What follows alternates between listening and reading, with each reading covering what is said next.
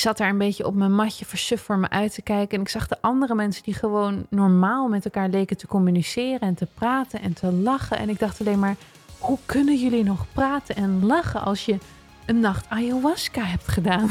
Hoe kan je je normaal voelen na zo'n nacht? Welkom terug bij het ayahuasca-avontuur. Je luistert naar de podcast van Charlotte van het Woud. Dit is deel 2 van een serie over ayahuasca. Ik heb ayahuasca gedronken. Ik heb daar een driedelige podcastserie over gemaakt. In deel 1 heb ik het heel erg gehad over de aanloop van ayahuasca. Tot en met eh, halverwege de eerste ceremonie. Hoe voelde ik me? Hoe ging alles? Waarom deed ik dit? Um, wat gebeurde er? En ik eindigde op het moment dat ik net mijn eerste cup had gedronken. Ik had een eerste operatie gekregen door aliens. Als je het allemaal heel raar vindt klinken, luister vooral aflevering 1 terug, want dan wordt veel meer duidelijk. En ik was toe aan dieper gaan, aan een tweede cup. Dus de shamaan die riep ons op voor een tweede cup. Ik stond op, kreeg de tweede cup, ging weer liggen. En vanaf dat moment is het um, een hele, hele zware, moeilijke nacht geweest. Tot dat moment ging dus alles best wel goed. Ik kreeg die operaties, ik was er tevreden over. Ik wilde dieper gaan en ik had een minion gezien, dus ik wist al, ayahuasca werkt. Het is daadwerkelijk iets wat, wat, wat ze allemaal al zeiden. Je ziet aliens en er zijn gekke dingen en ook bij mij werkt het gelukkig. Op het moment dat ik mijn tweede cup had gehad en ging liggen, was het eigenlijk dat mijn intuïtie, of ik ga vanaf nu, ga ik als ik intuïtie zeg, modder ayahuasca gebruiken, want dat is hoe de meeste mensen haar refereren, kreeg ik dus te horen van, oké, we kunnen twee dingen doen. Of ik breng je in een nada, oftewel je gaat liggen, gebeurt, je valt in slaap, gebeurt helemaal niks, je wordt ochtends verfrist wakker en ik heb al het werk gedaan. Ofwel je gaat alles meemaken wat ik je nu ga laten zien. Wat wil je? En ze had echt twee keuzes. Dus ik zag als voor me eigenlijk twee handen. En van tevoren in de integratieklas hebben ze je geleerd: kies altijd het harde. Wat je ook ziet, go to where it's hard. Dus wat is het moeilijke? Wat is de moeilijkste keuze?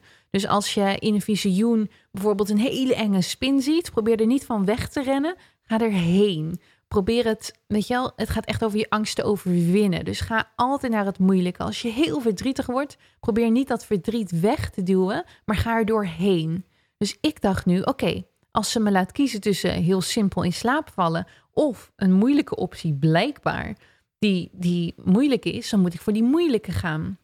Dus ik vroeg ook nog voor de zekerheid, oké, is het beter als ik voor die moeilijke kies? Zij zei ja, maar ik snap heel goed als je het niet wil en dan laten we je gewoon slapen ik zei, nee, nee, laten we die moeilijke doen. ik ga er doorheen. En omdat ik tot dat moment eigenlijk alleen nog maar hele zachte, leuke ervaringen had met een vrolijke, of nou ja, niet echt een vrolijke, met een beetje een zagrijnige minion die mijn enkel aan het opereren was, was ik er niet zo bang voor. In de seconde dat ik dus koos voor, oké, we doen het moeilijke, was die stem alleen maar, oeh, you're so brave. Oftewel, je bent heel dapper. En dat brave en dat dapper zijn heeft de hele avond door, kwam dat continu bij me terug. Je bent zo dapper, je bent zo dapper. En toen, flits, zat ik opeens, was ik onder, onder water en ik heb een grote angst voor zee. Was ik onder water, helemaal geboeid in een touw uh, en in een soort van, ik weet niet wat het is, een zwart, zwart laken. Um, was ik helemaal vastgeknoopt onder water aan het verdrinken. En het voelde zo levensecht voor me. Dus ik voelde echt Alsof, alsof ik zeg maar, ja, ik kon gewoon geen lucht meer krijgen. En ik zonk steeds verder de hele diepe zee in. En ik was aan het doodgaan.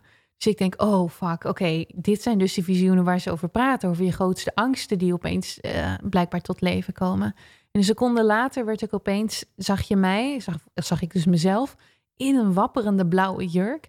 En zei de stem tegen mij, oké, pak het zwaard. ik zo, welk zwaard? Pak het zwaard.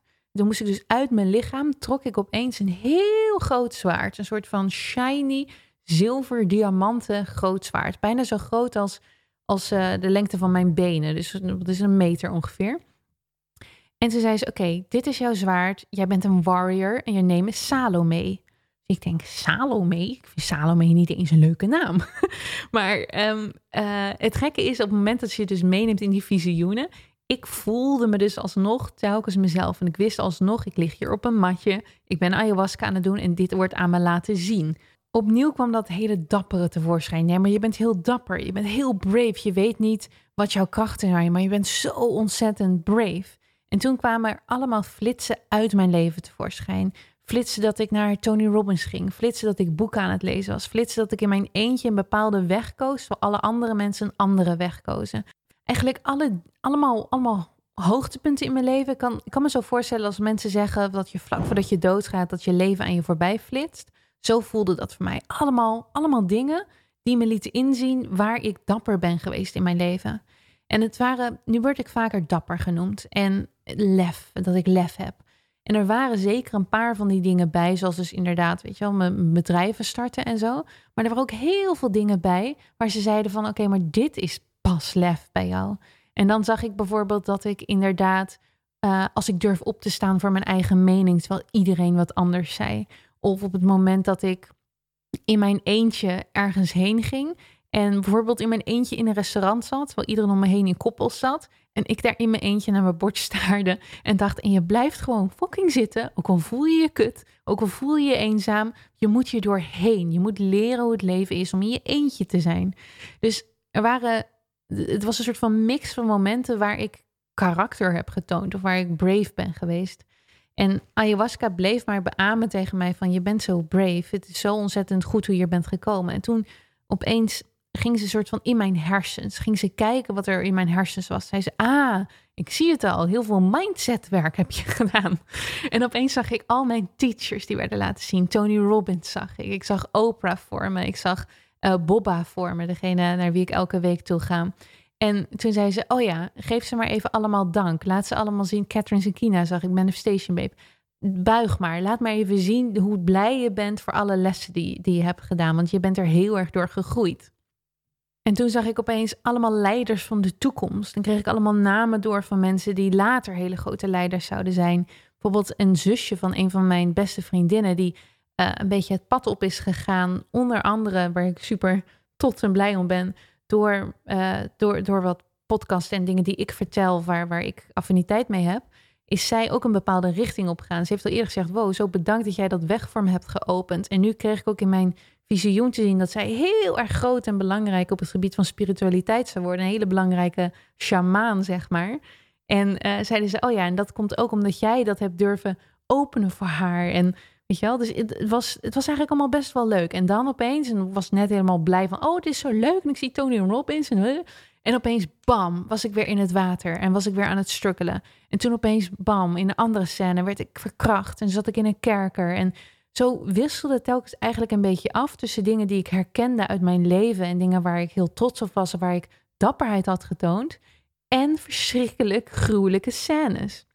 En die gruwelijke scènes, die werden uiteindelijk zo erg dat, en het waren allemaal scènes die ik niet herkende. Het was, niet uit mijn leven. Dat waren dus waarschijnlijk vorige levens.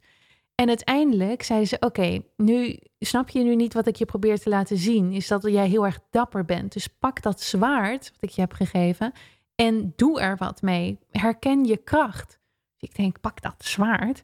Dus toen ik weer opeens in de zee belandde, dacht ik, oké, we pakken dat zwaard wel. En ik weet niet hoe ik dat precies deed, maar op een of andere manier kon ik mij lossnijden opeens met dat zwaard en woing naar boven zwemmen en was ik vrij en was het visioen weg. En toen ik verkracht werd, weer in een volgende scène die ik opeens voor me zag, kon ik opeens, hoorde ik die stem zeggen, oké, dood hem. Wat? En ik ben dus totaal niet van het geweld. Ik kijk geen horrorfilms, ik vind actiefilms al rot. Ik vind het dus zelfs als ik een James Bond film kijk, dat is een van de weinige films die ik nog een beetje durf te kijken. En er wordt iemand doodgeschoten, gewoon een bewaker ergens, onder scene ergens. Dan ben ik de rest van de film bezig me zorgen aan het maken over wie die bewaker was. Uh, hoe zijn vrouw wel niet zou denken als hij nu opeens dood is, gewoon omdat hij onschuldig ergens een bewaker aan het spelen was, hoe het met zijn kinderen zou gaan. Dus voor mij is zulke dingen, zulke films, daar denk ik veel te lang over na. Nog drie weken later zie ik dat beeld voor me dat gewoon een passant of een figurant in zo'n film vermoord wordt, zeg maar. Dus ik ben niet van het moorden. En ik, ik ben ook echt heel erg anti, anti-moord als vermaak. Dat is bij mij, heeft er nooit, nooit ingekomen. Dat, dat mensen kijken naar films waar moord en verkrachting en alles in voorkomen als een vorm van entertainment. Ik snap gewoon niet, want het is gewoon gruwelijk. En nu moest ik opeens met dat zwaard de hele tijd mensen vermoorden. En als ik zeg de hele tijd, mijn trip heeft ongeveer, denk ik, drie uur geduurd. En drie uur lang ben ik aan het moorden geweest. heel bloederig. en ik moest zo ontzettend veel mensen vermoorden. Dus ik moest sowieso elke keer als ik werd teruggeflitst naar een leven wat ik niet kende, maar waar ik werd verkracht of eh, werd onderdrukt. En dat was als vrouw continu aan de hand. Moest ik zo met, uh, met mijn zwaard diegene vermoorden. Het gekke was alleen, ik wist heel goed hoe dat moest. Ik wist allemaal zulke ik weet niet hoe je dat noemt, maar zulke warrior-achtige achtige dingen. Dat ik gewoon wist, oké, eerst van links naar linksboven naar linksonder. Dan doe je de hals doorsnijden, dan doe je zo doorsnijden, dan zo. En als laatste een steek nog door het hart, want dan weet je 100% zeker dat diegene niet meer leeft. In ieder geval, ik wist gewoon met een paar swipes op mijn hand hoe dat moest. En opnieuw, ik ben al wel in een trip, maar ik wist, ik lig hier aan ayahuasca. En ik was het ook echt in het echt aan het doen. Continu die handeling met, me, met mijn pols, alsof ik dus aan het zwaard vechten was. En terwijl ik dus af en toe aan het vechten was, werd ik weer af en toe meegenomen naar dingen uit mijn leven. En toen werd ik ook teruggenomen naar mijn jeugd. Ehm, ik als babytje tussen de 0 en 3 jaar. En ik ga er niet heel veel over vertellen, want een van de mooie dingen die ik vond aan ayahuasca is, alhoewel je heel veel dingen opnieuw beleeft, voelde het voor mij niet zo als dat je het echt beleeft, beleeft. Het is niet zo dat ik echt, als ik voelde dat ik, als ik zag of merkte, ik word nu verkracht of ik lig, in, ik lig heel eng in het, in het water. Het is niet zo dat het hetzelfde paniekniveau is als wat ik me kan voorstellen als dat je echt in het water aan het verdrinken bent. Je bent net iets meer, vond ik dan, een, een toeschouwer. Een, iemand die denkt van, oh fuck, nu word je verkracht. Of oh fuck, nu lig je in het water. um, te, te worstelen. Dan dat je echt denkt van, oh my god, ik word nu op dit moment, uh, ben ik aan het verdrinken. Ik wist gewoon altijd, het is een visioen. Maar goed, ik zag mezelf als babytje uh, een heleboel nare dingen die met me gebeurden, zonder dat de mensen die van me hielden dat weten uh, of wisten of zullen weten. Want het is ook niet iets waar ik, waar ik, waar ik zin heb om dat op te gaan diepen. Maar wat er wel uh, is gebeurd, is dat daar dus ook heel veel schade is ontstaan tussen mijn 0 en 3 jaar. En um, ik zag dat gebeuren. Nou, dat was gruwelijk ook om te zien, wel. En opnieuw moest ik dus iedereen vermoorden die me op dat moment uh, dingen bij me deed die niet zouden moeten met een baby. En dat was natuurlijk gewoon shocking en, en wow. en um, het, het gekke alleen is, op het moment dat je dat dus ziet, ik zag dan ook gelijk, het is alsof je, je hersens op steroïden zijn. Dus dan zag ik wat er met mij gebeurde. Maar dan zag ik ook gelijk wat er met die dader was gebeurd. Waarom die dat nu bij mij deed. En dan zag ik wat, um, wat er in de jeugd bij die dader was gebeurd. Wat er dan weer is gebeurd met de dader van de dader. Dus zo kon ik een soort van generaties terugkijken naar, naar, naar zieke dingen. En naar, naar, naar eng en naar pijn en naar trauma's. En het werd me zo duidelijk dat iedereen die een dader is nu op dit moment dingen doet omdat ze zelf met ze dingen zijn gebeurd. Niemand, niemand doet zomaar uit zichzelf slechte dingen, want er is altijd een bron geweest. En die bron heeft weer bij hen wat gedaan. En dat raakte, zette mij op een pad dat ik opeens, en dit vind ik nog steeds heel raar en onverklaarbaar en weird, maar ik kon opeens bij iedereen in mijn omgeving werden mij dingen laten zien die zij hebben meegemaakt, die een enorme traumatische indruk op ze hebben gemaakt. En die zoveel verklaarde van het gedrag wat ze heden ten dagen vertonen. Dus ik kon opeens in de, in, de, in de hersens, in het leven kijken van de mensen om me heen. Van familieleden, van mijn ouders, van mijn zus, van mijn broer.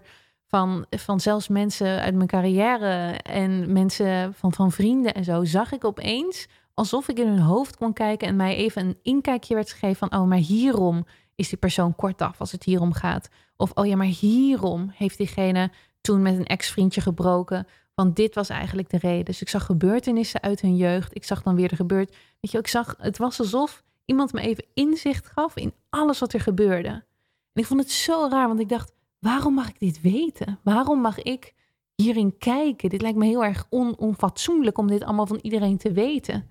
Maar ik, en ik weet nog steeds niet waarom ik dat zo op die manier zag. Al begin ik uh, nu langzamerhand wel te snappen dat ik ben al in mijn hele leven ben ik iemand geweest die dingen voelt. Dus ik voel heel veel dingen. En veel van wat mij werd laten zien, heb ik altijd al wel een beetje gevoeld. Maar nu opeens werd het alsof mijn blinddoek werd afgerukt. En opeens zag van, oh ja, inderdaad. En soms waren het dingen die ik niet had verwacht. In mijn familielijn bijvoorbeeld. Wat er bijvoorbeeld met mijn oma is gebeurd.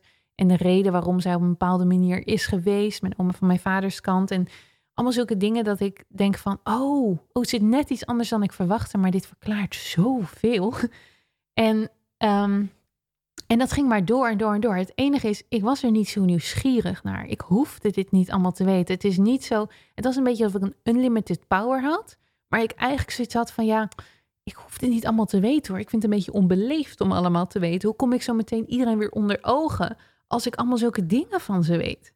En toen kreeg ik allemaal flitsen, ook allemaal getallen te zien. Getallen wanneer leeftijden waarop mijn ouders zouden overlijden. En leeftijden waarop ik bepaalde dingen in mijn nog te komen leven zou krijgen. En opeens dacht ik, ik wil dit gewoon niet. Ik wil dit allemaal niet weten. Ik wil al deze wijsheid niet in mijn hoofd. Dus ik, ik schrok een soort van zo op of wakker. Of in ieder geval, ik ging rechtop zitten en ik deed heel erg mijn, mijn ogen open. En ik dacht echt van, ja, fuck this. Ik, ik wilde het niet allemaal weten. En toen hoorde ik een soort van stem van, oké, oké, het hoeft ook niet allemaal. Maar weet dat jij heel veel van dit weet. toen ging ik weer liggen, deed ik mijn ogen dicht en kwamen er weer opnieuw visioenen van dat uh, ik in het water lag en dat ik mensen moest vermoorden. En toen ben ik weer een paar uur voor mijn gevoel dan. Hè. Het zal uiteindelijk niet een paar uur zijn geweest, maar ben ik weer heel erg lang bezig geweest met moorden. En eigenlijk was het gewoon één lange trip van van, van horror gewoon. Er was heel veel horror. En ik heb de hele avond niet hoeven spugen. Ik was alleen maar een één stuk door aan het gapen vooral. En tussen het gapen door en elke keer als ik even klaar was met het vechten... Want ik moest niet alleen... Ik, het zijn bijna vooral mannen geweest die ik moest vermoorden. Maar um, het waren ook heel veel ex-partners en vriendjes van mensen... die ik nu in mijn leven om me heen heb. En um, als ik er gewoon af en toe even klaar mee was dan kreeg ik continu weer de boodschap: ja, maar jij bent degene die dit moet doen voor iedereen. Dus, um, en jij kan het heel goed. En het was zo dat ik dat moorden, zeg maar, ik kon het ook echt daadwerkelijk heel goed. Ik wist ook dat elke keer als ik eraan kwam met mijn zwaard, dan was iedereen zoiets van: oh fuck. Oké, Charlotte komt eraan. Nou, nu is het over, want die heeft je binnen twee seconden dood. En dat gebeurde dus ook telkens. Dus um, dat was heel raar. En dan continu die boodschap van: ja, maar je bent hiervoor geboren. Je bent een warrior. Je bent een warrior. Jij bent degene, warrior is een, een, een vechter. Dit is wat jij, wat jij kan en wat je komt doen. Dus ja, je kan het wel niet willen, dat moorden, maar je moet het nou eenmaal doen. Want je moet, wat dat betreft, is dit opstaan voor femininity en allemaal zulke dingen.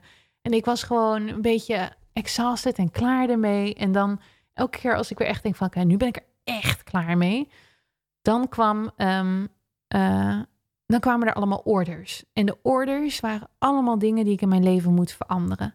En van tevoren hadden ze gezegd dat dat bijna nooit gebeurt. Het is bijna nooit zo dat Mother Ayahuasca echt jouw to-do-lijstjes geeft met wat je moest doen. Nou, bij mij super duidelijke to-do-lijstjes. Van, van hele kleine dingen zoals je moet die factuur onmiddellijk betalen zometeen als, jij, uh, als je uit de ayahuasca komt. Tot en met waar ik moet wonen. Tot en met dat ik mijn naam dus in Salome moet veranderen, waar ik totaal geen zin in heb, nog steeds niet. Tot en met dat, uh, nou ja, echt van hele kleine detaildingen tot hele grote dingen. Er zijn onder andere in Ritmia krijg je, um, oh, ik weet even niet hoe het heet, darmspoelingen. Maar dus zo'n zo'n een darmspoeling. Niet mijn ding. Ik heb het één keer gedaan, ik vond het niks. Ik dacht, oh, moet ik dat doen? Dus ik vroeg aan haar tijdens deze hele, tijdens deze hele trip vol geweld en moord en alles, zei ik ook van, oké, moet ik nog zo'n moet ik nog zo'n kolonie doen? Want ik, ik probeerde telkens tussen het moorden door eigenlijk basically gewoon vragen te stellen. Want dat leek me het meest interessant. Zei ze, nee, dat hoef je niet te doen. Dat heeft bij jou inderdaad uh, helemaal geen toegevoegde waarde. Wat je wel moet doen, is die stamcelinjectie halen. En nu hebben ze bij Rhythmia een stamcelinjectiecentrum op het terrein. En dat doet ongeveer, ik heb het gevraagd, ongeveer van de 80 mensen doen ongeveer vier mensen per week zo'n stamcelding. Wat ik al zei, de cliëntele in Rhythmia is, is vaak wat meer um, eh, die hebben vaak wat meer geld. En ik dacht toen nog, toen ik die boodschap hoorde van die moet je doen, dacht ik dat het 1500 euro was. Dus ik denk, oké, als ze per se zegt, weet je wel, met die hele to-do-lijst, er zijn heel veel dingen die ik echt, die heel veel moeite kosten en heel veel beweging in mijn leven gaan zorgen. Maar zo'n injectie halen voor 1500 euro wil ik wel doen. Dus ik zei, weet je het zeker, moet ik de stamcelding doen? Zij zei, ja, dat zou echt heel goed voor je zijn, dus uh, ga dat halen. Dus ik kom daar later op terug, maar zo, want het blijkt dat het 14.000 euro uh, was. Maar zo ontzettend gespecificeerd waren de instructies die ik kreeg. En elke keer als ik, ik wilde daar ook een beetje tegen protesteren, want ik dacht van ja, waarom krijg ik allemaal zulke duidelijke instructies? Het zou toch meer gewoon een soort van heel vagig zijn wat je moest doen en meer een idee en visioenen en zo. Zij zei, nee, maar je bent toch heel erg van de go, weet je wel, van de, van de doelen en je kan dit en dit doe je al je hele leven, dat jij een instructie krijgt en het gewoon opvolgt. Dus ik geef het je ook op die manier, geef ik je gewoon to-do-lijstjes. En ik, oké, okay. alright. En ik zei op een gegeven moment, oké, hier heb je de hele to-do-lijst die je me hebt gegeven. En als ik dat nu niet doe, wat gebeurt er dan? En opnieuw zag ik weer twee opties. En één optie was mijn leven zoals het nu is. En dat was helemaal door en grijs en leeg. Een beetje alsof je een woestijn hebt waar zo'n wind doorheen blaast. Dat je dus allemaal zulke beetje stof ziet opwaaien. Het was gewoon een heel grijs en saai leven. En aan de andere kant, als ik alles zou doen wat ze nu tegen me zou zeggen in die to-do-lijst, zag ik een helemaal licht en vrolijk en bloeiend leven voor me. En zei nou, welke van de twee wil je? Dus ik zou natuurlijk, ja, die leuke natuurlijk, die lichte, bloeiende. En heel zo voor me zei ze, ja, je moet er echt voor gaan. Je moet er echt voor kiezen. Hoe brave ben je? En opnieuw kwam dat hele brave en dat dapperheid weer naar voren. En ik dacht, oh ja.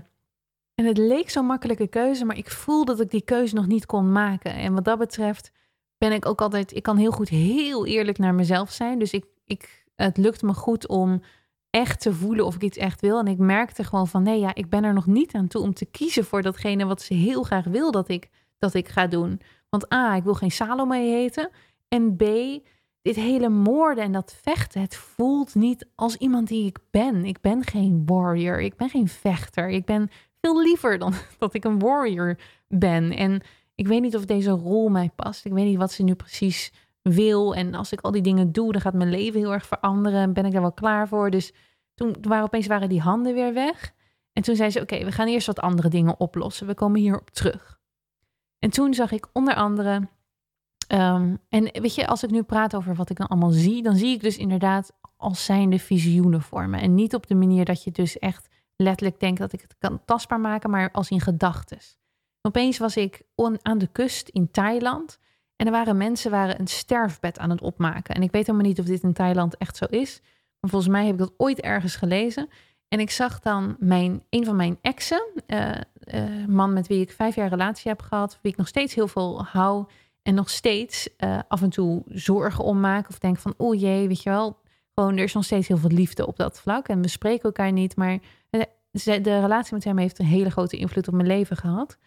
En ik zag hem op dat sterfbed liggen. En er waren allemaal mensen, die waren allemaal bezig om hem toe te dekken en allemaal bloemen op hem te leggen. En hij leefde gewoon nog. Dus ik zo, hey, hey, dat is, dat is mijn ex. En ik stond ongeveer op 60 meter afstand. En te, toen hoorde ik moeder, moeder Ayahuasca dus zeggen van, ja, dat is je ex. Maar zoals je ziet, die gaan we nu helemaal uit je leven halen. Want het is niet meer nodig dat jij je daar zorgen over maakt. Dus ik zag hem, op het moment dat zij, gaven die mensen hem opeens een enorme duw op dat vlot waar hij op lag. En duwden ze hem zo de zee in. Dus ik zo, nee, nee, dat kan niet. Hij kan niet, want hij is, weet je wel, hij is ziek en ik, moet, ik moet me zorgen maken om hem. Dus ik rende zo soort van die zee in om hem te proberen te redden. En moeder ayahuasca, die was een soort van, ja, dit heeft dus nul zin dat je nu half... Ik moet zeggen, ze was telkens best wel sarcastisch tegen me. Dus nu ook weer opnieuw van ja, je kan wel half zee in rennen, maar hij is al lang weg. Hij is niet meer voor jou om je zorgen over te maken. Het is niet meer aan jou om erom te geven op de manier waarop je dat nu nog steeds in je hart een plek voor hem hebt. Dat is, je, moet dat, je mag dat echt loslaten en we doen dat nu door hem daadwerkelijk de zee op te sturen en los te laten. Laat het gaan.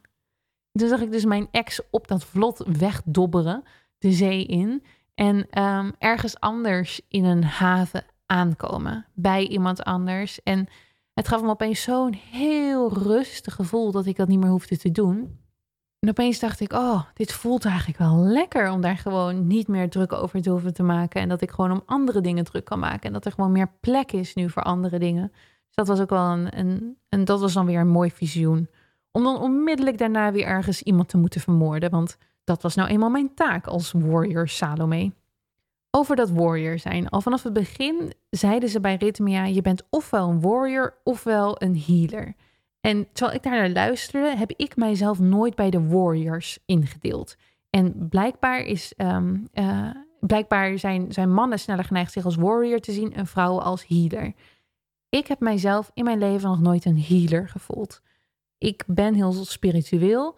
Ik ga naar healers toe. Ik voel dingen aan, maar ik heb nooit gevoeld alsof ik helende kracht heb. Er zijn wel eens mensen die naar mij toe komen en dit gaat heel raar klinken als je hier totaal geen gevoel bij hebt, maar die tegen mij vragen of ik een healing wil doen. Of die vinden mijn energie zo bijzonder dat ze zeggen van, oh, weet je wel, kan, kan jij niet iets betekenen? En ik heb altijd zoiets van, nee, volgens mij niet. Het is niet mijn talent, mijn kracht, passie of ik heb er ook weinig liefde voor. Zin van, ik heb heel veel bewondering voor mensen die healing doen. Of het nou reiki is, energiewerk, uh, of het daadwerkelijk healing is op, op het gebied van heel praktisch healing als, als in een ziekenhuis. Iedereen die de neiging voelt om één op één met mensen te werken zodat zij zich beter voelen. Ik heb heel veel bewondering voor, maar ik heb nooit zelf gevoeld alsof dat mijn roeping of kracht is. Dus toen ze bij Rhythmia zeiden: iedereen van jullie is ofwel een healer of een warrior, heb ik het meer gewoon in het algemeen opgevat. Als in van: oh, we zijn allemaal lightworkers. Of ik besteedde er ook niet zoveel aandacht aan.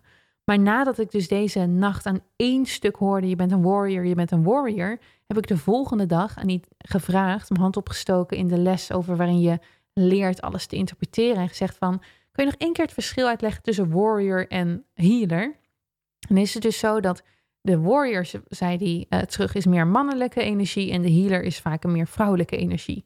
Toen ik dat hoorde, dacht ik, fuck it, zie je wel. Ik wil helemaal geen warrior zijn. En ik ben ook nog eens een vrouw, dus er gaat hier wat mis. Ik ben geen warrior. En um, uh, ze zeiden toen ook dat je als je, als je weet of je een, een healer bent, dat je dan tijdens ayahuasca in je ofwel je linker of je rechterhand moest kijken. En dat healers eigenlijk altijd een oog zagen. En um, ik zat dus als een gek de eerste avond telkens naar mijn handen te proberen te kijken, of mijn handen voor me te zien, om te kijken of er ergens een oog was. Dan dacht ik, nou, dan hebben ze het in ieder geval mis. Dan ben ik geen warrior, maar dan ben ik een healer. Veel fijner dan het fucking warrior zijn, want ik wil niet de hele tijd vechten. Maar ik kon dat oog maar niet zien. Bij mij zat er elke keer in mijn hand een enorm zwaard in plaats van een oog.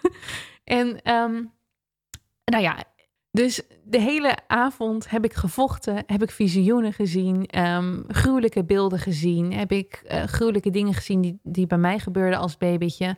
Heb ik heel veel gegaapt, uh, heb ik een keuze gehad tussen welk leven ik wilde, mijn oude leven, of als ik die hele waslijst met, met uh, commando's op zou volgen, mijn nieuwe leven. En was ik dus continu benadrukt dat ik en zo dapper was en dat ik een warrior was. En ik weet ook nog dat ik dacht, terwijl dat allemaal gebeurde, ik dacht van ja, wat is dit nu? Dit kan ik toch niet nu aan mijn volgers ook vertellen op deze manier? Al deze beelden zijn veel te gruwelijk en veel te, veel te intens en veel te bloederig om hierover te kunnen praten en delen. Dus ik kan het helemaal niet delen. En dan was er weer die stem van, je denkt vooral aan andere mensen, maar je moet nu eerst even aan jezelf denken. Je moet niet alleen maar denken wat andere mensen nodig zouden hebben. Wat heb jij nodig? En dan opeens werd ik weer in het water gegooid. En op een gegeven moment hoorde ik opeens de stem: hey, we gaan. Uh, de, muziek veranderde een beetje. En door de hele avond heen hoor je muziek. Muziek ging een beetje veranderen. De lichtjes gingen zachtjes aan. En het was blijkbaar het eind van de avond. En ik werd dus wakker. Of ik, weet je wel, ik, ik stond op, deed mijn ogen open. En ik was exhausted. Ik was een beetje geïrriteerd. Want wat de fuck was dat met dat hele warrior gedoe? Wat was die hele lijst met commando's die ik moet opvolgen? En ik voelde me nog steeds niet echt terug op aarde. Ik voelde alsof je, wat ik me kan voorstellen, ik heb nog nooit gehad, alsof je een hele grote kater zou hebben. Ik had ook splijtende hoofdpijn opeens en ik was gewoon een beetje, een beetje beduust en we gingen in een kringetje om de shamaan zitten. En de shamaan die vroeg naar wat ervaringen van mensen. En een paar mensen hadden hele mooie dingen gezien en liefde. Een paar mensen hadden nog niet zo heel veel gevoeld, maar vooral wat, uh, wat geografische figuren gezien. En ik zat daar met mijn mond open. Ik had gewoon, ik had het idee dat ik, dat ik, dat ik mijn meest, meest wilde. Um, ik had zo'n gruwelijke, bloederige nacht vol met, met verkrachtingen en moorden gehad. Dat ik gewoon helemaal kapot was. Dus wat ze dan hebben, je kan bij Ritmia kan je nog blijven liggen. Je kan terug naar je matrasje gaan. Nou, ik voelde me totaal niet in staat om terug naar mijn kamer te gaan. Dus ik ben weer even gaan liggen op mijn matrasje. Er kwam wat hulp naar me toe, van mensen even met me praten. En die waren allemaal heel lief en zacht. En uiteindelijk kon ik naar mijn eigen bed gaan en ben ik gaan slapen. En de volgende ochtend, en dat is ongeveer drie uur later, werd ik wakker. En ik was zo misselijk en zo. Ik voelde me nog totaal niet geland op aarde. En ik was verdoofd en ik was. Ik voelde me gek en ik ben naar yoga gegaan, want ze raden dus aan om naar al die klasjes te gaan. Ik naar yoga gegaan en ik zat daar een beetje op mijn matje versuf voor me uit te kijken. En ik zag de andere mensen die gewoon normaal met elkaar leken te communiceren en te praten en te lachen. En ik dacht alleen maar, hoe kunnen jullie nog praten en lachen als je een nacht ayahuasca hebt gedaan? Hoe kan je je normaal voelen na zo'n nacht? En ik ben na het ontbijt, uh, waar ik met niemand heb gesproken bijna, ben ik naar de receptie gegaan. Heb ik gezegd, ik moet iemand hebben om, om hierover te praten, want ik trek het niet. Het is zo, het is zo, ik heb zo'n hoofdpijn. Het is allemaal zo verwarrend en intens geweest. En het fijne met ritmea is dat ze dus altijd mensen hebben die, die komen. Bij mij was dat Nora, een hele lieve vrouw van, nou ergens in de vijftig is ze geloof ik. Die dus ook heel veel ceremonies heeft gedaan, heel veel ervaring, heel veel liefde uitstraalde. En die seconde dat ze bij me kwam zitten bij de receptie, um, ik kon ergens in een uh, hoekje rustig praten, voelde ik me opeens al veel beter. Opeens was de hoofdpijn weg en kon ik erover praten. En een heel groot deel van ayahuasca en integratie is bijvoorbeeld ook delen. Als je dingen deelt, als je erover praat, um, dat is ook een manier, zeiden ze eigenlijk, van purge. Dus dan, omdat je het eh, van jezelf af aan het praten bent, helpt het ook. Dus ik heb een uur of zo met haar gepraat en bepaalde interpretaties gehoord. Ik heb gevraagd over die sterfdata die ik kreeg. Nou, dat hoef ik gelukkig niet zo letterlijk op te vatten. Um, maar het was ook wel een beetje zo dat ze allemaal zeiden van ja, ja als je zo'n duidelijke lijst met acties geeft, ja, toch misschien maar een beetje, beetje um, naar, naar luisteren of, of kijken wat je zou kunnen veranderen of hoe zou je dit kunnen toevoegen in je leven en zo. En de rest van de dag heb ik, waren nog wat lezingen en workshops en ik bleef maar de hele dag die stem horen. Dat was het vervelende. Ik bleef de hele tijd, zoals zij de hele nacht, moeder ayahuasca tegen me had gepraat en continu eigenlijk in mijn eigen intuïtiestem, zo bleef ze me de hele dag door orders geven. En fucking Salome noemen, de hele tijd. Dus ik liep dan gewoon ergens naar de lunch toe en dan was het, Salome, nu moet je even naar links kijken, want dan zie je daar. En dan zag ik dat ook daadwerkelijk, maar ik werd er gek van. Ik werd er gek van dat ik niet meer op aarde was. Dus opeens dacht ik, wat als ik dit nu heb gedronken en dit nu voortaan mijn leven is? Dat ik dus een van die mensen ben die psychedelisch helemaal, helemaal kapot nu is. En uh, weet ik veel, voor de rest van mijn leven dit zo blijf horen. Daar werd ik heel bang van. Dus uiteindelijk kwam ik bij de lunch binnen en opnieuw, ik zag daar de hele groep van 80 mensen die allemaal helemaal naar hun zin bleken te hebben en helemaal leuk te zijn. En ik was alleen maar aan het trillen en ik hoorde die stem in mijn hoofd en ik moest opeens heel hard huilen. Nou, dat hadden de helpers die daar dus overal rondlopen onmiddellijk door. Dus ik werd aan een tafel gezet met vier healers om me heen. En ze hadden uh, zout.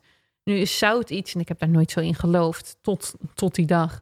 Zout iets wat ze aan je geven op het moment dat je, met je, dat je eigenlijk heel spiritueel bezig bent. Dat er bepaalde dingen zijn, wordt zout gebruikt om het aards te maken. Dus zij, um, die mag, je mag dus ook eigenlijk geen zout echt te veel eten terwijl je ayahuasca doet omdat je dat dus heel erg jezelf grondt. Dus zij zeiden, oké, lik wat zout op. Dus ze zetten allemaal zout in mijn hand en ik moest dat zout uh, oplikken uit mijn hand. En voor het eerst voelde ik me eigenlijk wat rustiger worden. Voelde ik me inderdaad opeens gegrond worden. En ik zo, oh, ze blijft maar tegen me doorpraten. De stem stopt niet meer. Gaat dit nog stoppen? En nu blijft ayahuasca, nadat je het de eerste keer hebt gedronken, 20 of 21 dagen in je lichaam en in je systeem. En ik had die nacht ook helemaal niks uitgespuugd. Dus het was mij, ik had ook, was ook niet naar de wc gegaan. Het was bij mij echt alleen maar gapen geweest. Ik was verder ook helemaal niet misselijk geworden of zo. Dus de enige manier waarop ik had gepurged was gegaapt. Dus bij mij zat het ook letterlijk nog echt in mijn maag en in mijn systeem. Dus zij zei ook heel voorzichtig, nou ja, voor 21 dagen lang zal je sowieso het medicijn nog in je hebben. En ik dacht alleen maar, hoe trek ik dit? Ik trek die andere dagen niet hoor, op deze manier. En die hoofdpijn kwam weer op. En um, nou, het was gewoon in ieder geval, het was één grote nachtmerrie. Ik vond het echt heel zwaar. En ik dacht ook, hoe heb ik, hoe heb ik kunnen denken dat dit leuk was? Of dat ik hè, lekker wat moeilijke of lastige eigenschappen van mezelf ga ontdekken met ayahuasca. Want dit is echt het allerzwaarste wat ik ooit heb gedaan en beleefd. En op deze manier nu hier rondlopen en het idee hebben dat je half tussen hemel en aarde zweeft en niet echt erbij bent, voelde gewoon allemaal heel onveilig alles veranderde eigenlijk met één zinnetje wat een meisje wat ik daar leerde kennen uh, tegen me zei. En dat was, um, ik zat heel erg met die lijst met alle dingen die ik moest doen. Een van de dingen is van, je moet naar Arizona, naar Sedona gaan. En ik dacht naar Sedona gaan. En nu heb ik eerder over Sedona gedacht hoor. Sedona is een dorpje in Arizona. Arizona is een staat in Amerika. En Arizona is eigenlijk niks meer dan desert. Dus ik ben daar, als je mij volgt op Celine Charlotte, ik ben daar geweest in oktober bij een retreat van Sandra Roles. Ik vond het er geweldig. Ik had niet verwacht dat ik het zo geweldig vond. Het is een retreat waar heel veel, uh, of een, het is een dorp waar heel veel spirituele mensen bij elkaar komen. En ik voelde me daar gewoon voor echt zo anders. En ik had allemaal hele goede business inzichten die ik kon starten. En ik ben daar toen ook iets gestart en heb ik jullie nog nooit laten weten, want ik heb het nog steeds niet afgemaakt, omdat ik elke keer voel, ik moet het eigenlijk in Sedona afmaken. En het is, Sedona deed iets met mij en ik heb nog nooit zo hard gehuild als toen ik wegging uit Sedona en terug naar Nederland kwam. Ik jullie allemaal niet laten zien op stories. Ik laat niet alles zien. Maar ik weet nog wel dat ik wist, oeh, ik hoor voor een deel Sedona. En een van de grootste dingen die ayahuasca tegen me had gezegd is, behalve dat ik Salome moest heten, ook dat ik naar Sedona moest gaan. Behalve dat en al die andere waren er natuurlijk nog heel veel directe dingen die ik moest doen. En dit meisje, Lindsay, dat nu inmiddels ik beschouw als een goede vriendin, die zei tegen mij: Maar oké, maar wat als je het gaat doen? Hoe zou je het dan doen? En voor het eerst, toen ze dat zo zei, schoot ik opeens in de modus die ik gewoon van mezelf herken: van Charlotte get stuff done. Ik snap op zich alles wat ze graag van me wil. Ik weet wel hoe ik dat voor elkaar moet krijgen als ik het wil. Ik weet wel hoe ik naar Sedona kan. Ik weet wel hoe ik bepaalde dingen in mijn business anders kan doen. Ik weet wel. Dus opeens ging ik aan Lindsay uitleggen hoe ik het dan zou doen. Hoe ik dan bijvoorbeeld geld zou verdienen. Hoe ik dan bijvoorbeeld voor mezelf zou zorgen. Wat ik dan zou doen met, um, met, met alles in Amsterdam en zo. En opeens toen ik in die modus schoot, dacht ik: hé, hey, maar het kan allemaal wel wat ayahuasca van mij vraagt, is allemaal niet onmogelijk. En de seconde dat ik dat dacht, opeens was ik terug helemaal op aarde en was de stem weg. En de stem zei: Heel goed, ik zie je vanavond weer in de ceremonie. En toen was het leeg, was ik stil en was er voor het eerst rust. Dus het was bizar, maar toen ik opeens accepteerde van: Oké, het kan wel. Ik weet wel hoe ik het zou aanpakken. Ik accepteerde wat er allemaal moest gebeuren en wat er moest veranderen, was de stem weg. En had ik dus eindelijk, na wat is het, twaalf uur op die dag, had ik eindelijk rust. En dat was een uur voor ceremonie. Dus toen ben ik me gaan omkleden met eindelijk die rust in mijn hoofd en die stem weg. En ehm, ben ik in de rij gaan staan voor de tweede ceremonie. Nou, ik moet je zeggen, ik had natuurlijk, ondanks dat die rust in mijn hoofd was, zag ik wel op tegen de tweede ceremonie. De, de eerste dag was me zo zwaar bevallen en was zo heftig geweest. En vooral de impact die het had op mijn, mijn gevoel, mijn staat van zijn, dat ik niet heel erg uitkeek naar nog een keer zo'n avond. Dus ik vroeg nu deze keer: kan je alsjeblieft zacht met me zijn? Kan je alsjeblieft rustig met me aandoen? En ik hoorde terug van mijn intuïtie of van moeder ayahuasca Um, komt goed, deze keer zal ik heel anders zijn. En dit vroeg ik trouwens op het moment dat ik het drankje al in me had. Dus dat ik de tweede cup al had gedronken. Want ik ging dus heel braaf, net zoals de rest, weer op een matrasje zitten. In de rij staan voor de tweede cup, tweede cup drinken. En ik had niet eens zin om een intentie te doen. Dus mijn intentie was echt, doe het alsjeblieft rustig met me aan. Dus ik had nu niet meer, show me who I've become. Of merge me back with my soul. Het enige wat ik wilde was rust. Nou, die hele avond, die tweede avond is ook heel rustig verlopen wat er is gebeurd. De avond ervoor had ik dus een operatie gehad van een, van, van een leger minions. Die dus van alles hebben bekeken. Dus die hebben vooral heel veel aan mijn benen gewerkt, aan mijn enkel gewerkt. Ze hebben in mijn hoofd gekeken, gezien dat ik heel veel mindset werk had gedaan. Daar hebben ze niet zoveel veranderd. En um, het grote ding was, bij mij zeiden ze, oh nee ja, jouw hele, jouw hele uh, je, je, hoe noem je dat? Je organen rondom uh, voortplanting, je baarmoeder en um, uh, je, je, je seksen en, en al die dingen. Dat is te gecompliceerd voor ons. Dat wil moeder ayahuasca zelf doen. Daar mogen wij niet aan zitten. En ik dacht nog, oh, dat lijkt me chill als ze daar ook, ook dingen opereren, weet je wel. Bijvoorbeeld me, uh, ik geloof in chakra's. Chakra's heb je door je hele lichaam heen. Dat zijn bepaalde energiepunten. En ik dacht, super chill als ze aan mijn sekschakra werken. Dat is het oranje chakra. En dat, dat is een beetje de, de, het energiepunt voor, voor al het plezier en, en seks en allemaal zulke dingen. En een van de redenen waarom ik onder andere naar zulke tantra-kampen ga en daar heel erg geïnteresseerd in ben, is omdat ik altijd denk van, volgens mij zit die bij mij een beetje op slot. Is hij geblokkeerd of is het niet zo vrij als dat het zou kunnen? Dus ik dacht, super chill als ze daar zo meteen lekker die minions aan werken. Maar die minions die wilden daar niet aankomen, want dat moest moeder ayahuasca zelf doen. Nou, op dinsdag ehm, is dat dus vooral eigenlijk gebeurd. Ik ging liggen, het medicijn ging werken. En het enige wat ik weer als eerste weer opnieuw, dat kreeg ik een hele verdoving om mijn mond. Dus ik dacht, oh leuk, die minions komen terug. Maar nee, deze keer was het moeder ayahuasca zelf die terugkwam. En ik zag haar niet. Het enige wat ik zag in mijn visioen was alsof ik, ik lag op mijn matras, alsof ik in de OR eh, lag. Ik kijk heel veel Grey's Anatomy. Dus wat je dan eigenlijk ziet is dat wat ik voor me zag was alsof ik op een operatietafel lag. En er was iemand, en ik voelde dat moeder ayahuasca was, aan het opereren bij mij. Maar ik zag vanaf mijn navel eigenlijk helemaal niks. Er waren allemaal zulke blauwe operatiedoeken. Er was een heel groot wit licht op, op het hele gebied tussen mijn knieën en mijn navel ongeveer. En daar was moeder ayahuasca met heel veel precisie urenlang aan het opereren. en dat was eigenlijk het enige wat er die nacht gebeurde. En ik lachte maar en ik was voor mijn gevoel best wel bij bewustzijn. Het enige wat ik wist was dat ik, oh, er zijn bepaalde momenten dat ik even helemaal stil moet liggen, want dan is ze met iets heel kleins bezig. Er zijn momenten dat ik wat minder stil hoef te liggen. En ik voelde gewoon gedurende de hele nacht, voelde ik bepaalde energiestromen daar. Dus voelde ik opeens bijvoorbeeld bepaalde tintelingen rondom mijn baarmoeder. Of voelde ik bepaalde tintelingen in mijn dijen. Of voelde ik opeens een energiestroom erheen gaan. En allemaal stromen die ik verder van mijn rest van mijn leven nog nooit zo op die manier, energie, die ik nog nooit op die manier daar zo had gevoeld. En dat was eigenlijk wel prima. Ik was gewoon zo blij dat ik niet hoefde te moorden, dat er geen gruwelijkheden aan me werden laten zien, dat ik niet een hele lijst met opdrachten kreeg. Het enige wat ik hoefde te doen was liggen, die operatie ondergaan en af en toe opstaan om te dansen. Ik voelde uiteindelijk heel erg dat ik nog een derde cup moest doen. En ik heb nog steeds spijt van dat ik dat niet heb gedaan. Ik kan nog steeds niet goed omschrijven waarom het zoveel moeite voor mij kostte om die cups te drinken, om, om de glaasjes ayahuasca te drinken. Ja, het is echt heel erg vies, dus ik vind het niet lekker.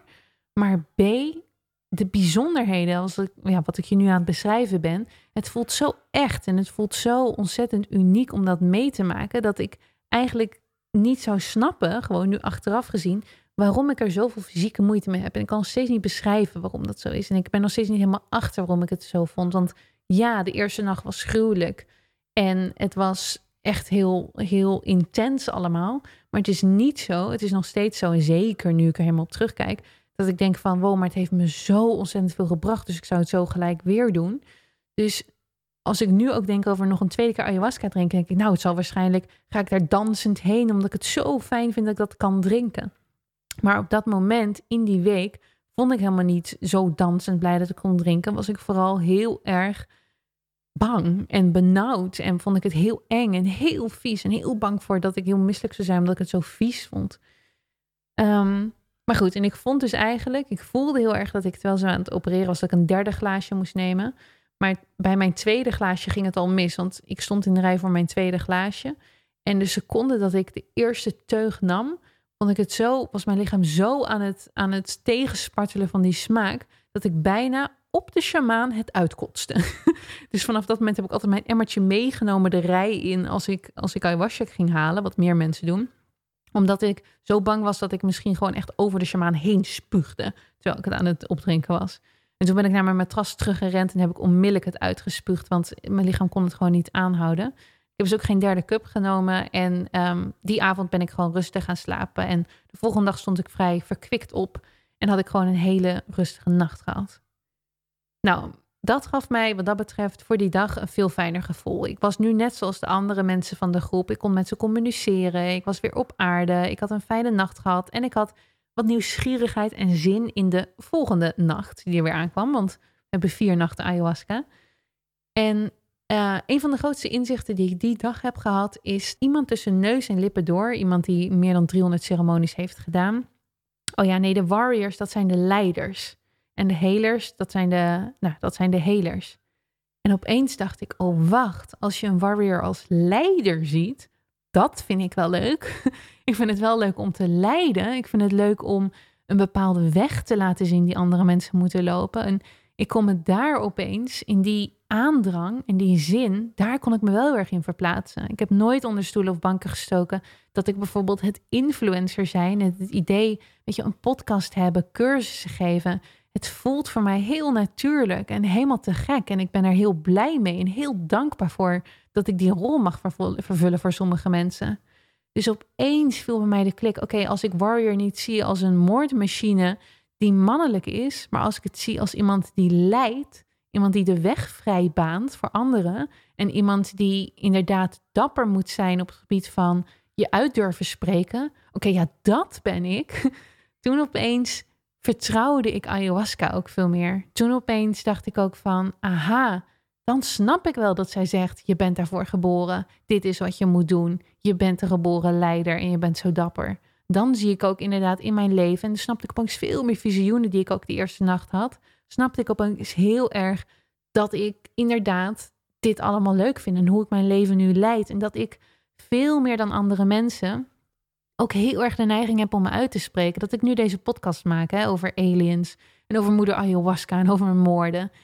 Ik vind het ik vind het niet heel spannend om te doen. Het is voor mij heel logisch om dit te doen. Want ik denk van ja, als ik dit heb ontdekt, als ik heb ontdekt dat ik door zo'n drankje zo ontzettend veel inzichten krijg en zo ontzettend kan veranderen en zoveel baat bij heb, natuurlijk laat ik dat aan anderen weten.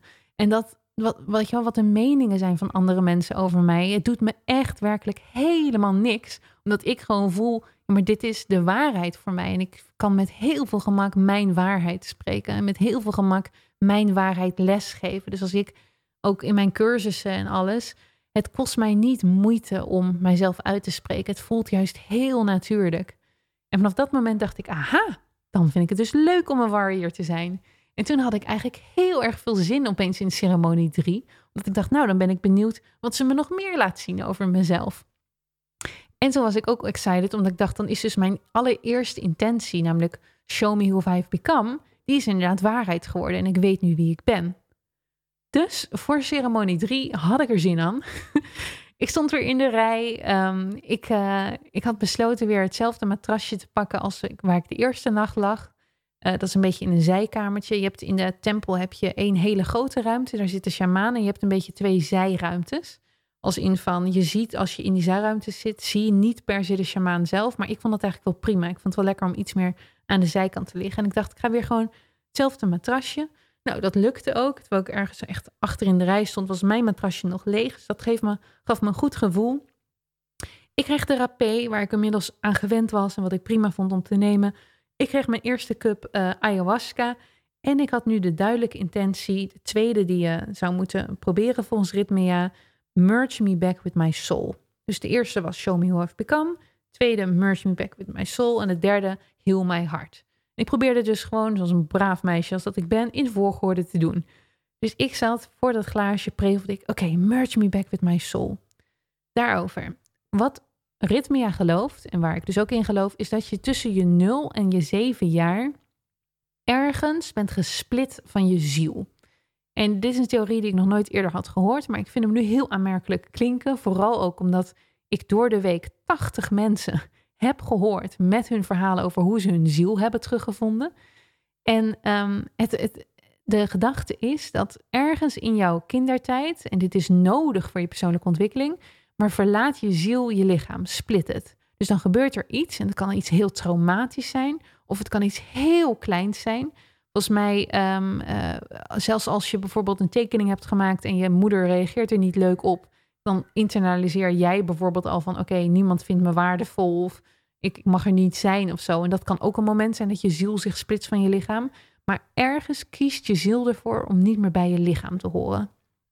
Ik heb nooit van mijn leven rondgelopen per se met het idee dat mijn ziel niet bij mijn lichaam hoort.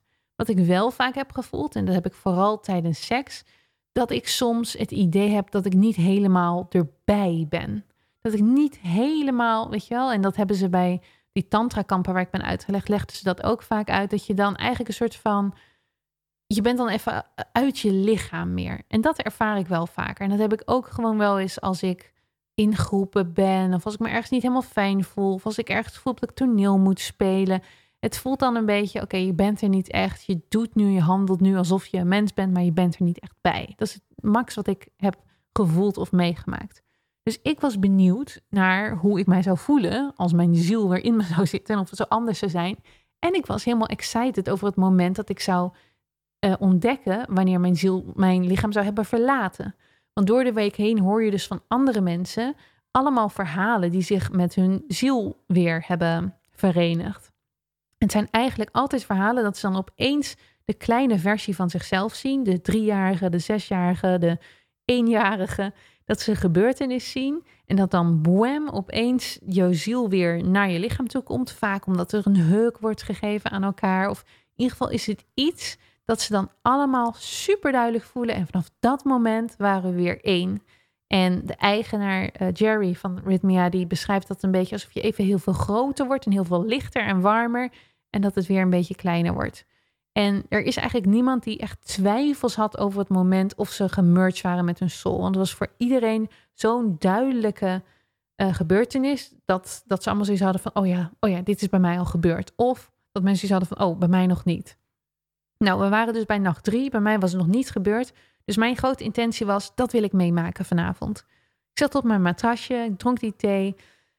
Uh, ik zat te wachten tot, uh, tot het zou inkikken. En um, als eerste weer opnieuw begon mijn kaak uh, te bewegen. En begon die weer een beetje num te worden. Dus een beetje verdoofd. Ik dacht, oh, we gaan weer opnieuw een, een nacht vol operaties in. Is goed, kom maar op.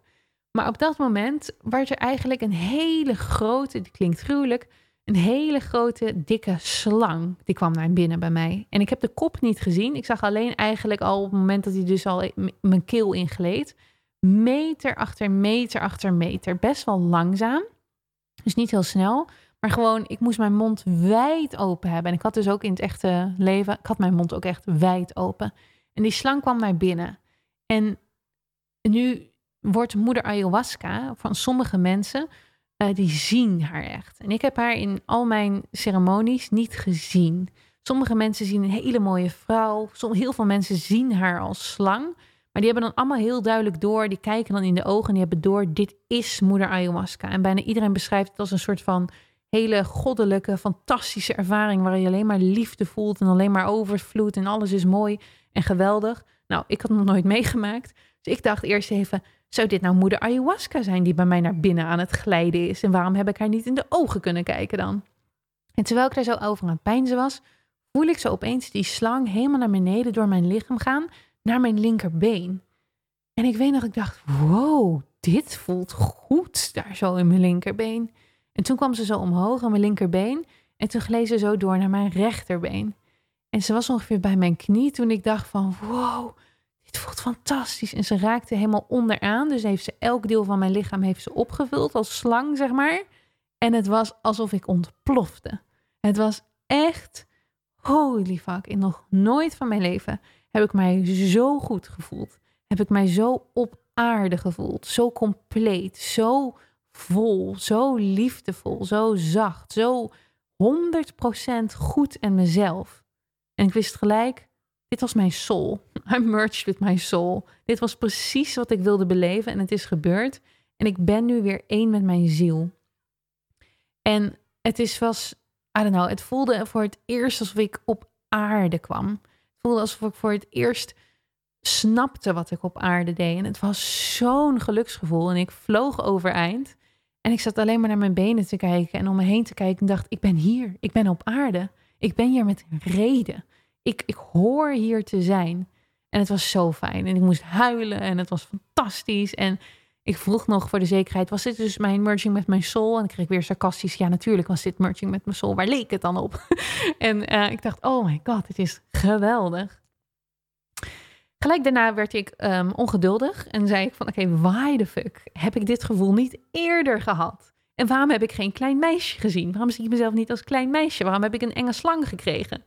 En toen kreeg ik de boodschap dat mijn soul al was gesplit van mijzelf als babytje. Dus nog voordat ik geboren was. Want mijn, mijn, mijn ziel had gezien wat in de eerste drie jaar uh, zou gebeuren. En wilde dat niet meemaken. En had zoiets van: oké, bye. Ik uh, split nu alvast. dus daarom zag ik niet mijzelf als kleine, als kleine Charlotte. En heb ik een net wat ander verhaal dan de meeste mensen die met hun, eh, met hun kleine jonge versie van zichzelf zijn gemerged. Ehm, en ik kreeg eh, gelijk te horen, zei ze, oh, wil je weten waarom de fuck niet eerder? Ga maar mee naar de ruimte. Nou, en dit is waar het opnieuw um, weird wordt voor iedereen die niet een aliens, uh, nog nooit van aliens had gehoord. En dit is ook het moment waarop ik deze aflevering afsluit en uh, verder praat in de volgende aflevering. In de volgende aflevering hoor je alles over mijn bezoek aan het ruimtestation. Jawel, jazeker, ik meen dit serieus. En um, vertel ik je meer over de lessen en de integratie en um, het, het mooie breathwork wat helemaal aan het einde nog naar voren kwam. Dus als je die wil horen, luister vooral naar deel 3. Je kan me ook volgen op mijn um, Instagram, Celine Charlotte of Celine Woods. Op Celine Woods ben ik de laatste tijd vooral heel erg veel te vinden. Dat is mijn Engelse account. En daar staan ook onder andere drie filmpjes op over uh, ayahuasca. Dankjewel voor het luisteren, in ieder geval hiernaar. En um, ik uh, zie je bij aflevering 3. In de volgende aflevering onder andere dit. Dus ik ging zitten in de kring en de man naast mij kijkt naar mij en zegt... Welkom, fijn dat je er bent, Celine. En ik kijk hem aan en ik ben natuurlijk helemaal high. En het enige wat ik kan denken is: Oh my god. Hij komt van hetzelfde ruimtestation als ik. Hij is er een van ons.